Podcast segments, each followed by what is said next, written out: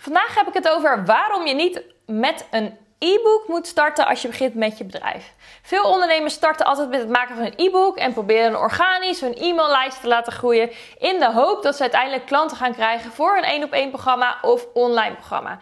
Nou, ik ben daar geen fan van om daar mee te beginnen en dat ga ik je vandaag uitleggen. Ik ben Merel, ik ben online business coach en ik help ondernemers met het maandelijks meer inkomen genereren en meer vrijheid door het maken van een online programma om dit vervolgens op te schalen. Zonder dat ze al te veel tekststress moeten hebben en niet weten welke stappen ze moeten zetten. Een e-book is echt een hele mooie, laagdrempelige manier om jou te leren kennen. Toch blijven veel ondernemers hier een beetje op haken bij het e-book. De reden waarom ik hier niet bij zou beginnen is als volgt.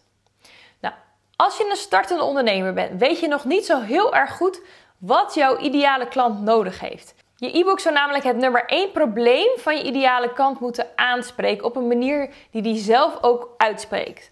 Vaak leer je je klant pas later in het proces wat beter kennen. Namelijk als je al echt klanten hebt en het liefst al echt een aantal klanten hebt, waardoor je die taal ook vaker hoort spreken. Nummer 2. Als je mensen een e-book geeft, wil je dit ook strategisch gaan inzetten. Je wilt namelijk een follow-up kunnen aanbieden. Wat is de vervolgstap die mensen met jou kunnen gaan nemen?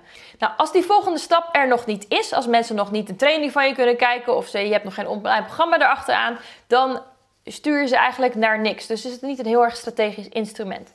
Nummer 3. Vaak als je nog in het proces bent van een e-book, heb je nog geen vast ritme in je wekelijkse content. In het wekelijk uitsturen van een nieuwsbrief of een e-mail.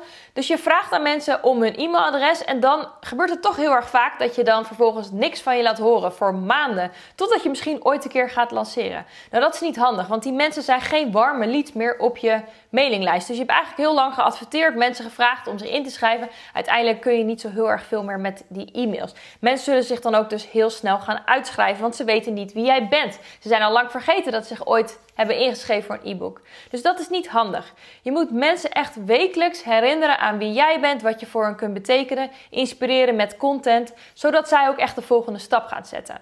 Dus zorg dat je je processen na de e-book strak hebt staan. Dus ik zou altijd beginnen bij het lanceren van je online programma. Dan ga je je programma geven en dan vervolgens leer je ideale klant en je behoeftes heel erg goed kennen. Dan kun je echt prima een goed e-book creëren waarbij ook heel duidelijk is wat de vervolgstappen zijn en hoe je deze mensen ook warm kunt houden met je maandelijkse content. En dan kun je advertenties gebruiken om je e-book op te schalen. Dit werkt in mijn ogen echt het beste. Is dit heel anders dan dat je had verwacht? Dan wil ik je uitnodigen om mee te doen met de gratis training die ik heb.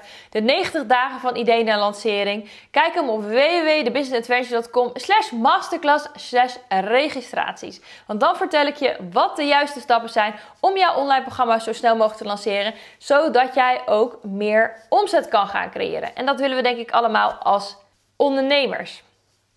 Ik hoop dat ik je daar zie. Doeg!